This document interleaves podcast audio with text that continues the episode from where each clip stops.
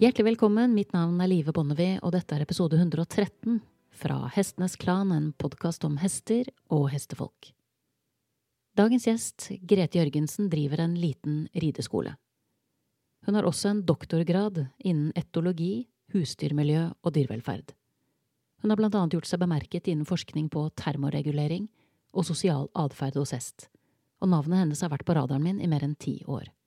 Hun satt blant annet som prosjektleder da forskere fra Norge og Sverige lærte hestene å bruke tegnspråk så de selv kunne fortelle om de ville ha dekken eller ikke, noe du kan høre Cecilie Meidel fortelle om i episode 104. Men temaet i denne episoden er hvordan dagens hestehold ser ut, sett gjennom brillene til en etolog.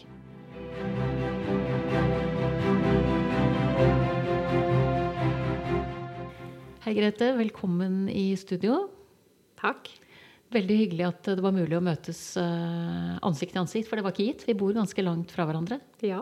Jeg tenkte Det er alltid interessant når jeg har gjester i studio, å, å starte med hvem de er. Både som hestemenneske og, og etolog, som er, det, som er faget som er basisen for denne samtalen i dag. Ja. Så kan du starte litt med å si eh, hvem du er som hestemenneske, og, og ja, hvor du befinner deg i dette landskapet. Uhelbredelig hestefrelst, kanskje. Eh, jeg fikk jo min første hest da jeg var 15, til odeleie, og siden har jeg hatt hester. Så vi driver jo en liten besøksgård hjemme på, på Nybrott i, i Leifjord kommune i Nordland. Og eh, ja, driver med litt grønn omsorg, eh, men selvfølgelig rideskole i basis. da. Bitte liten rideskole, men med seks til ti hester, alt ettersom hvor mange som er oppstalla. Driver med litt oppdrett av norrønshester. Litt sånn alternativ opplæring av, av rytterne òg, ikke sant. At de skal lære litt om hvordan et dyr lærer. og Lære litt positiv forsterking, rett og slett, samtidig som de lærer seg sjøl å ri. Er det noe du tenker at eh, er en svakhet med mange litt større rideskoler? Nå føler jeg at jeg legger ordene litt i munnen på deg, men det er jo, det er jo litt sånn besynderlig at akkurat det du snakker om der, det at man lærer hvordan hester lærer, og lærer å bruke positive forsterkninger og lærer å kommunisere med dem, ikke alltid står så høyt på agendaen?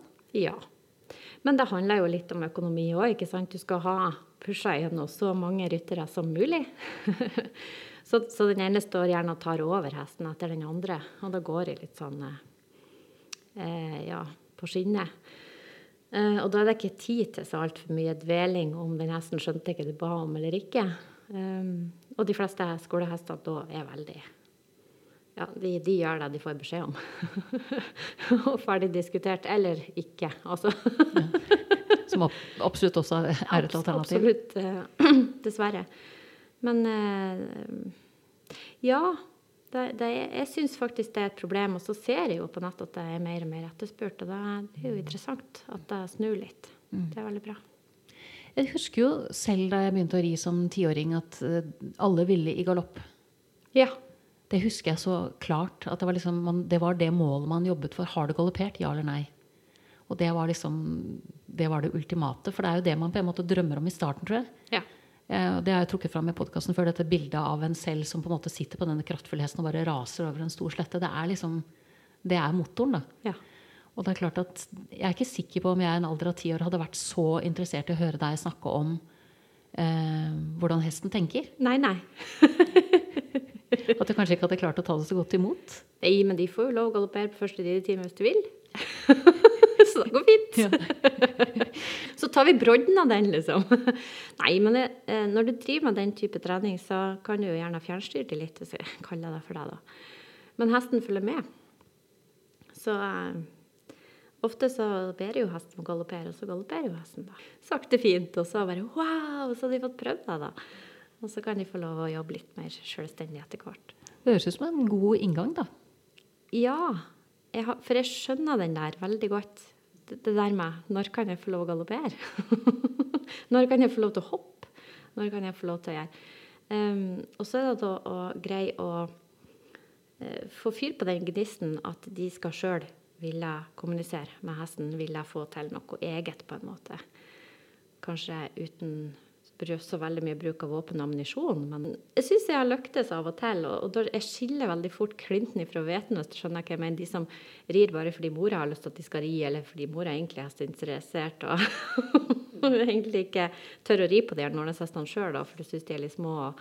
Sånn her, Man tar masse dattera, og så var det ikke så interessant likevel. Og de som virkelig er tent, som kommer igjen og igjen og igjen og nesten har lagt en plan for hva de skal oppnå, hva de skal gjøre i dag, hva de har lyst til å gjøre neste uke. Kanskje vi kommer oss på tur en eller annen vakker dag. Og, ja, det, det, er veldig artig, for da, det er det litt mer givende som eh, rideskolelærer òg, da. det er morsomt at du bruker det ordet Clinton og Veten, for det, det, er en av de observasjonene som har gjort selv også, at det er så veldig lett å skille de som har en genuin hesteinteresse, som er liksom Du ser den sånn som deg og meg, åpenbart, som er rammet for livet. Ja. Og de som bare har det som et sånt øyeblikk som blåser forbi, som også ja. er fint, for all del. Jo. Men det er liksom, det er to forskjellige. Det er min erfaring også. Og så viktig da at dere tar tak i nettopp dette med hvordan hester lærer det er jo grunnleggende respekt for dyre hest. ikke sant? At det ikke bare er en sånn moped som man satser på for å vinne et trofé, men at, det, eh, at den har følelser, den har behov. Den kan, har kanskje vondt i hodet i dag og vondt i ryggen i morgen. Og, og man må prøve å lese litt signaler hele veien. Um, ehm, Syns det er veldig viktig. Men ridetimen mener er jo aldri 45 minutter, det er jo to timer. vet du. for det er sånn, Gå ut, finne en hest, ta på grima. Ja, hele greia. Du kan ikke bare droppe den når du er ferdig. Liksom. Du må stelle den og gjøre den ferdig. Så det betyr at uh, elevene dine får være med på hele løpet? på en måte? Altså ja. Ut og hente hesten, uh, gjøre hesten klar, ri timen, uh, stale av og ja. slippe hesten ut ja. igjen? Ja, nettopp. Det blir jo en veldig annen variant enn at man kommer til en som nesten er ferdig oppsalet. Ja, det blir jo ikke penger av det. Nei. For det er, det er det selvfølgelig et veldig, veldig, veldig stor utfordring. At ja. det er økonomisk veldig utfordrende å tjene noe penger ja. på å drive med rideskole. Og det blir bare verre og verre. Så det, jeg skjønner den, og jeg har veldig stor respekt for de store rideskolene som nå sliter. Først tørke, og, og, i år, jeg vet ikke, uh, med økte priser på absolutt alt, så kommer det til å merkes ganske kraftig. Du får jo ikke tak i noen gode rideskolehester heller, liksom, på løpende bånd. Og får du det, så koster det jo skjorta. Så det er utfordrende. Men vi må jo ha rideskolen skal vi få nye hestefolk. Ja, og så, samtidig gode rideskoler, sånn at vi får gode hestefolk. Ja. Så det er jo Jeg kjenner jeg blir bekymret når du sier det du sier nå, men jeg, jeg, deler jo den bekymringen også. Ja, du ser det litt, ikke sant? Ja, jeg ser jo litt randsonen av det, på en måte. At det finnes jo veldig mange gode rideinstruktører. Det er jo ikke det som er problemet, men at rammeverket blir så trangt at det blir vanskelig å, å faktisk kunne by på det man kan tilby. Ja. Det er ikke plass til det eller rom for det eller økonomi til det. på en måte. Nei. Men du sitter her altså først og fremst i mitt hode i kraft av å være etolog. Ja. Eh, og fordi jeg husker veldig godt mitt eget første møte med det begrepet for mange år siden, eh, så det, kan det være greit at du sier hva det er? Ja, det er jo en atferdsforsker. Eller en som eh, kan noe om læren om, eh, om dyrs atferd. Så Eh, jeg starta jo på husdyrfag eh, på Landbrukshøgskolen, som det heter da, på Ås. Eh, og på den tida så hadde de noe desentraliserte løp, utdanningsløp, så jeg har vært et år i Tromsø, på universitetet der først. Og så reiste jeg til Ås. Og så ble det en mastergrad der jeg var heldig å få eh, se litt på effekten av mosjon og luftegårdsstørrelse på hestens atferd og aktivitet i luftegård. Da. Så da var jeg på Starum og brukte sju uker på å flytte hester inn og ut av paddocker og studerte de da. Satt der og observerte. Hvor mye rørte de seg, hva gjorde de? Eh, og etter eh, mastergraden så var jeg så heldig å få jobb som vitenskapelig assistent på Institutt for husdyrfag på Ås. Eh, før jeg kunne søke stipendiatstilling der. Så doktorgraden var ferdig i 2010. Og da fikk jeg jobb på NIBIO. Det heter jo Bioforsk før, da. Men NIBIO i nærheten av der jeg kom ifra. Så jeg jobber jo i dag på NIBIO Kjøtta og pendler til Leifjorden, som er rett i nærheten. du sa i, altså du i masteroppgaven din så på hester i paddock og hvor mye de rører seg. Ja. Og hvis vi først snakker om rideskoler og oppstalling og alle disse tingene, så legger jeg merke til at det er veldig mange paddocker som er ganske små. Ja. Eh, hva er minstekravet, da? Eh, 10 ganger 30, vel? Som kom som et forslag i forskrifta. Og det var rundt 2005, eller der omkring, når jeg avla masteroppgaven. Så det var jo på en måte litt på trappene, og derfor ønska vi å undersøke om luftegårdsstørrelse hadde mye eller lite å si. Og det vi fant ut, det var jo at de her hestene gikk jo rundt gjerdet. på din, eh, en liten paddock som var 10 ganger 15 meter. En mellomstor paddock som var 10 ganger 30 meter, og en stor paddock som var 10 ganger 45 meter. Eh, og spiste. Til det ikke var noe mer å spise under gjerdet, liksom, for det var jo en gruspaddock. Men, men, det gikk nå i hvert fall. Det er klart at det gikk mer i en stor paddock, men eh, kvaliteten på den bevegelsen var ikke så veldig mye større. Altså, de gjorde ikke så veldig mye mer. De lekte ikke mer, de sprang ikke mer. Um, det, det, var like rolig, egentlig. uh, men jeg fikk jo heldigvis muligheten til å slippe de sammen òg. For det, det, det, første du beskriver, det er da hester som står i disse ulike paddockene alene? Ja. Vanlig oppstalling.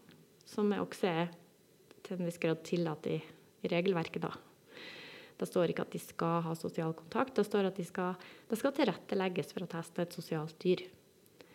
Og så spørs det jo hvor mye det blir sånn egentlig tilrettelagt for. Men eh, det var det vi tok utgangspunkt i. Men jeg var så heldig jeg fikk lov til å slippe de nye rideskålhestene sammen òg. For de skulle jo tross alt gå på beite litt midt på sommeren. Det var jo vanlig på Starum, det tror jeg er vanlig den dag i dag.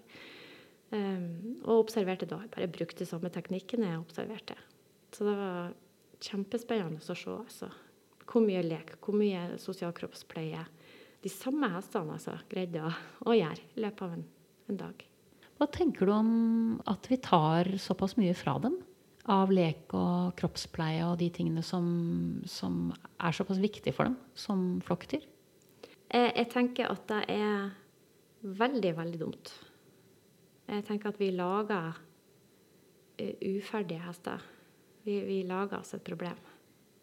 Eh, og mange av de atferdsforstyrrelsene vi ser i dag, det er antageligvis med rot i eh, ikke optimalt oppstallingsmiljø, noe som vi har hovedansvaret for, eller ikke optimalt sosialt miljø. Altså sosialt miljø og oppstallingsmiljø er jo det samme, men mat eller venner. Hvis, hvis, ikke en av de to er i orden, så, så får det utslag. Vi lager oss problemer tenker jo at eh, Jeg har jo snakka med mange som er sånne trenere som tar over hester som andre har gitt opp, f.eks.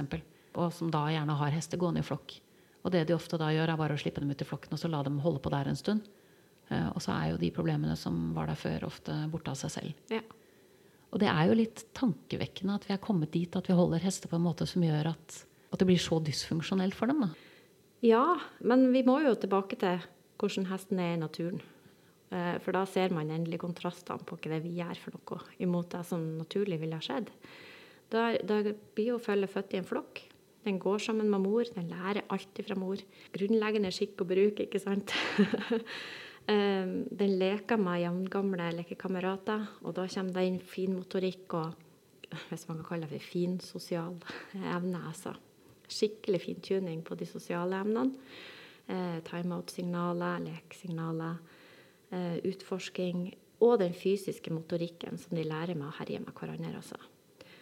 Eh, og når, eh, mora, når, det har gått et år, så er jo mora gjerne drektig igjen og får et nytt føll, og da blir det andre følget avvent. Bryskt, brutalt, men da har den gjerne gått liksom sammen med mora i nesten et år. Eller til hun ble så føltung at hun ikke greide med to lenger. Eh, og det der skjer gradvis, eller ganske brått, men det skjer i hvert fall naturlig. Og de har alltid noen andre å, å hemse på. Sant? De har noen andre å leke med, noen andre å, å lære av. Så når de havner i sånne ungkarsgruppe eller unghestgruppe, da, så, så fortsetter læringa utover. Og det sosiale er så viktig. Det er grunnleggende for en hest. En hest den er et byttedyr, og den er en gresseter. Og det er de to tingene som forklarer alt hesten er, og alt hesten gjør. Uh, og når vi begynner å tulle med det, så får vi problemer. Uansett hvor tam den hesten er, liksom, hvor domestisert den har vært i så, så mange år, eller hvilken rase den er. Så eh, eh, Nei, vi lager oss noen problemer med å gå bort ifra det. Eh, virkelig. For, for, det som skjer i, i fangenskap, det er jo ofte at følget blir tidlig avvent. Og, og, da tenker jeg særlig på veddeløpshester. De blir veldig tidlig avvent. Altså. Og setter i harde trenings, treningsregime, gjerne med mye kraftfôr i dietten. Det er så utrolig mye de hestene skal tåle fram til første løp. Som pur, pur unge, altså. De er i sterk vekst. Det må jo være vondt og så skakt overalt liksom, i de lange kroppene. Jeg kan ikke skjønne annet. Eh, men det, der ser vi òg i forskninga og i eh, statistikken at eh, veldig mange veddeløpshester har problemer med magesår, og de har problemer med, med stereotypier. Det slår liksom mer ut hos galopphester enn enn andre. De lever jo, som du sier, ekstremt langt fra der de var. Altså, de er jo skapt for å løpe. Ja. For all del. Men, men, eh, men ikke så mye så tidlig og, og på den måten som det legges opp til. Så det blir veldig veldig forskjellig. Så, så det er kanskje et ytterpunkt. Eh, og, det, og det gir seg utslag i, i en større frekvens av, av problemer, da, atferdsforstyrrelser.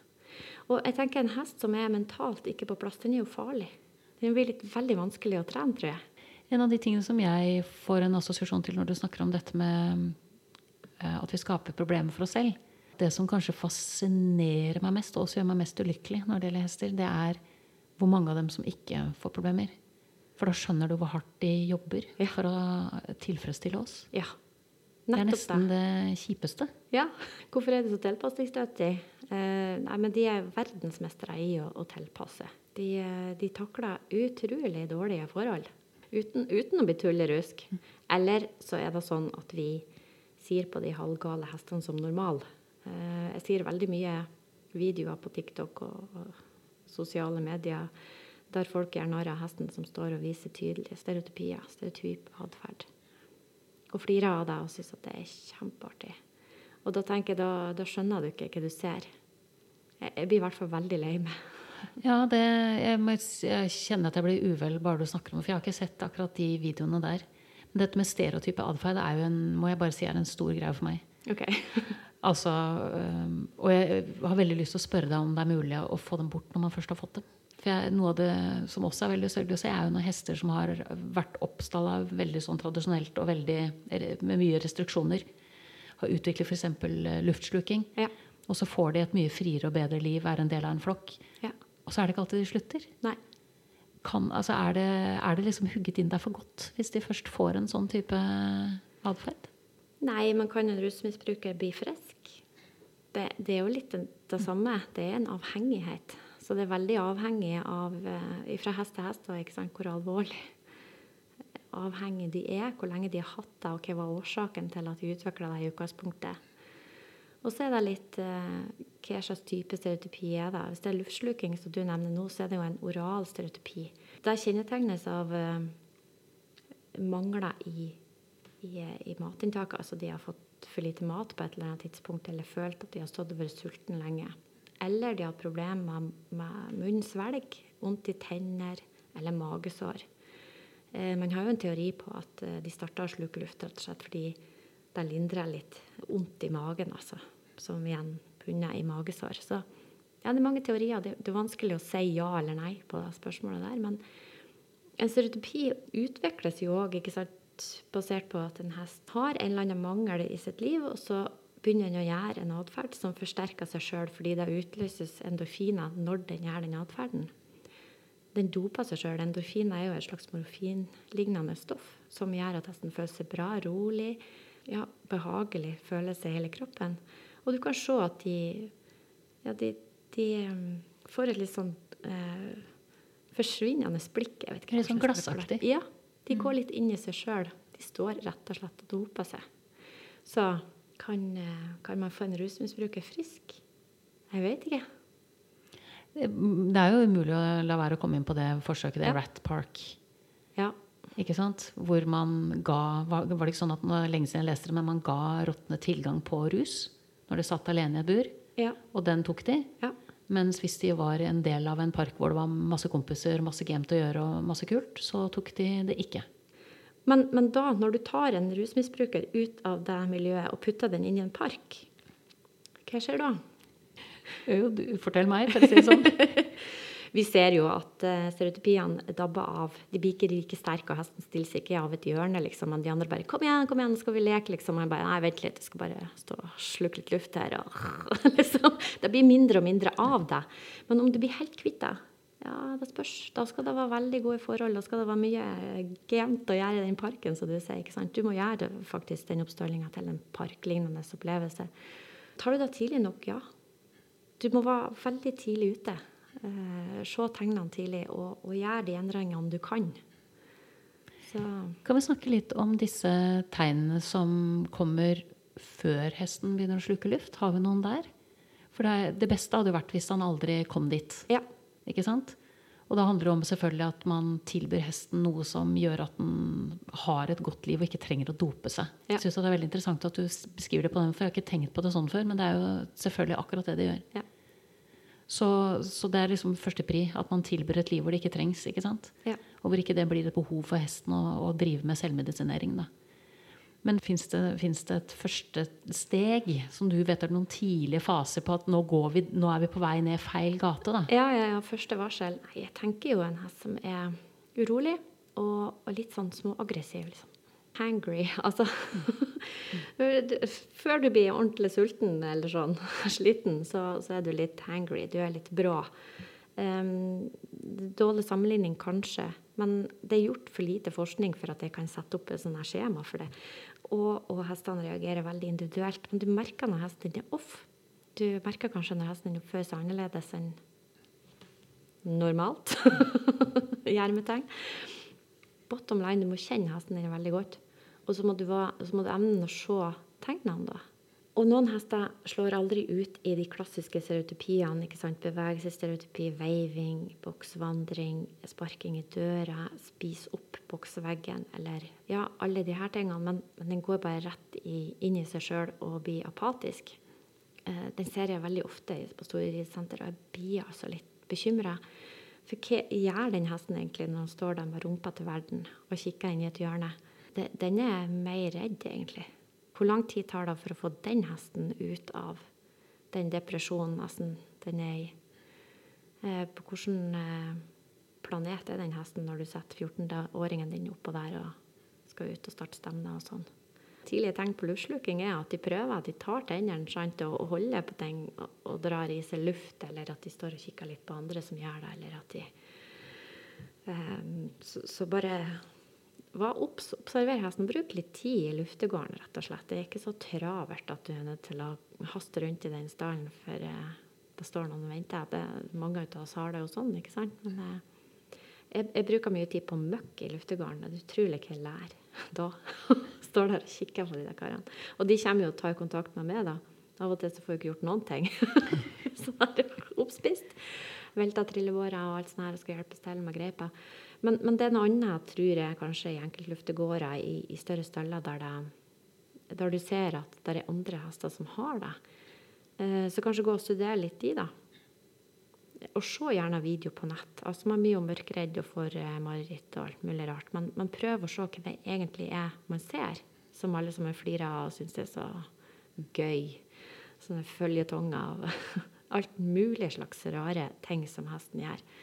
Både oralt og bevegelsesstereotypisk. Og tenk litt over liksom, er det her normal atferd for et byttedyr eller en gresseter.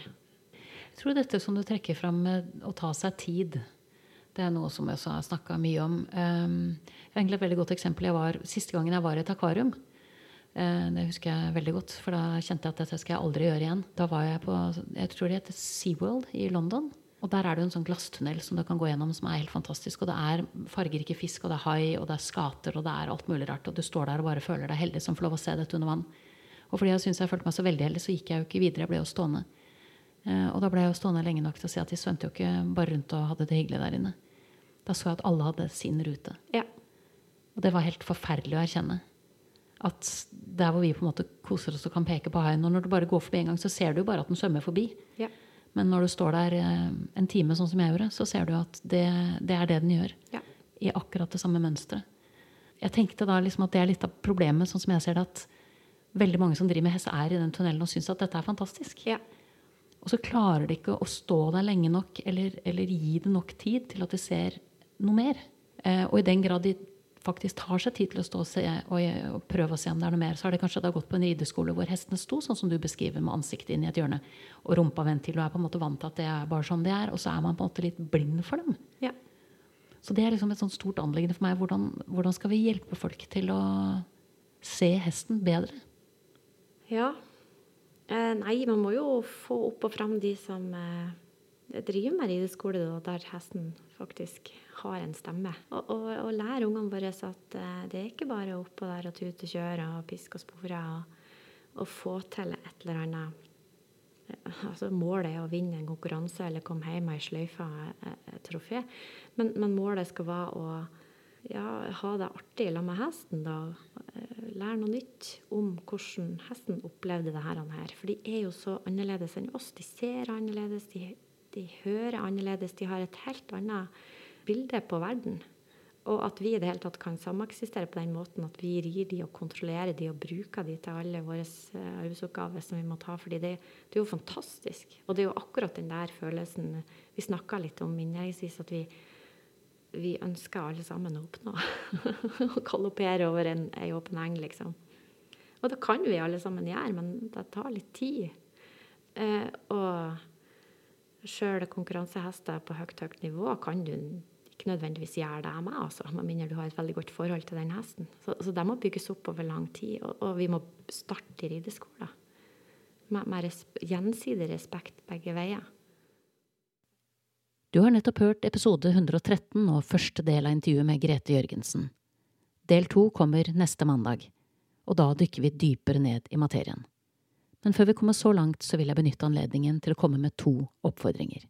Den første er at du setter av noen minutter til å se nærmere på ditt eget hestehold, som som alt annet i livet alltid kan bli bedre. Det er ikke mer enn et døgn siden jeg tok et grep selv som var til stor glede for hesten min. Det neste jeg oppfordrer deg til å gjøre, er å se nøyere på de andre hestene du har rundt deg, særlig den første hesten du kom på akkurat nå, dersom du allerede har en i tankene. Ofte er det jo sånn at vi kvier oss for å gripe inn hvis vi er usikre på om andres hester har det bra men da er vi jo en del av problemet og ikke en del av løsningen. For ved å ikke heve stemmen på hesters vegne, så har vi i realiteten sagt at det vi ser er ok, selv om magefølelsen kanskje sier noe annet. Min oppfordring er at du følger den følelsen, men at du gjør det med hjertet. Vær nysgjerrig og åpen i dialogen, og ta deg tid til å høre hesteeierens versjon av saken. Det hender som kjent at folk har gode grunner til å gjøre som de gjør, men ingen har noen gang tatt skade av å gjøre nye vurderinger. Jeg vil også benytte anledningen til å takke både dagens gjest, Grete Jørgensen, og alle andre gjester jeg har hatt gjennom de siste to årene, som på ulike måter har viet hele eller deler av livet sitt til å bidra til at hestene våre får det bedre. Jo flere som blir en del av den klanen der, jo bedre velferd kan vi tilby. Da gjenstår det bare for meg å takke min faste komponist Fredrik Blom, og sist, men ikke minst vil jeg takke deg, kjære lytter, for tålmodigheten. Måtte hesten for alltid være med deg.